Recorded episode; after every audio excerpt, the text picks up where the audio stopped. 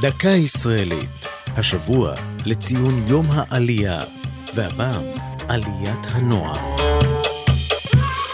בשירו "שירה הנוער" כתב המשורר והחלוץ שמואל בס, כל עוד הנוער לנו במולדת, קום יקום חזון עם ישראל. ואכן, אחד המפעלים הגדולים ביותר של העלייה ארצה הוא פרי מאמציה של עליית הנוער. הסוכנות היהודית הקימה את הארגון ב-1933 לאחר עלות הנאצים לשלטון בגרמניה, כדי להעלות ארצה ילדים יהודים ממדינות שהיו באימת המשטר הנאצי. הפעילה הציונית האמריקנית הנריאטה סולד, שעמדה בראש הארגון בתחילת דרכו, ארגנה מאות מוסדות חינוך ובהן פנימיות, כדי שיקלטו את העולים הצעירים ברחבי הארץ, בקיבוצים, במושבים ובערים. כ-30 אלף ילדים עלו ארצה במסגרת התנועה עד קום המדינה.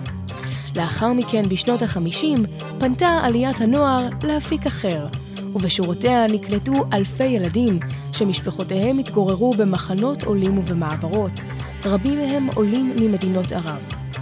מאז הקמת עליית הנוער התחנכו בה כ-350 אלף ילדים ובני נוער, וגם כיום משמשים כפרי הנוער של התנועה בית לעולים, המבקשים להמשיך ולהגשים את חזון עם ישראל.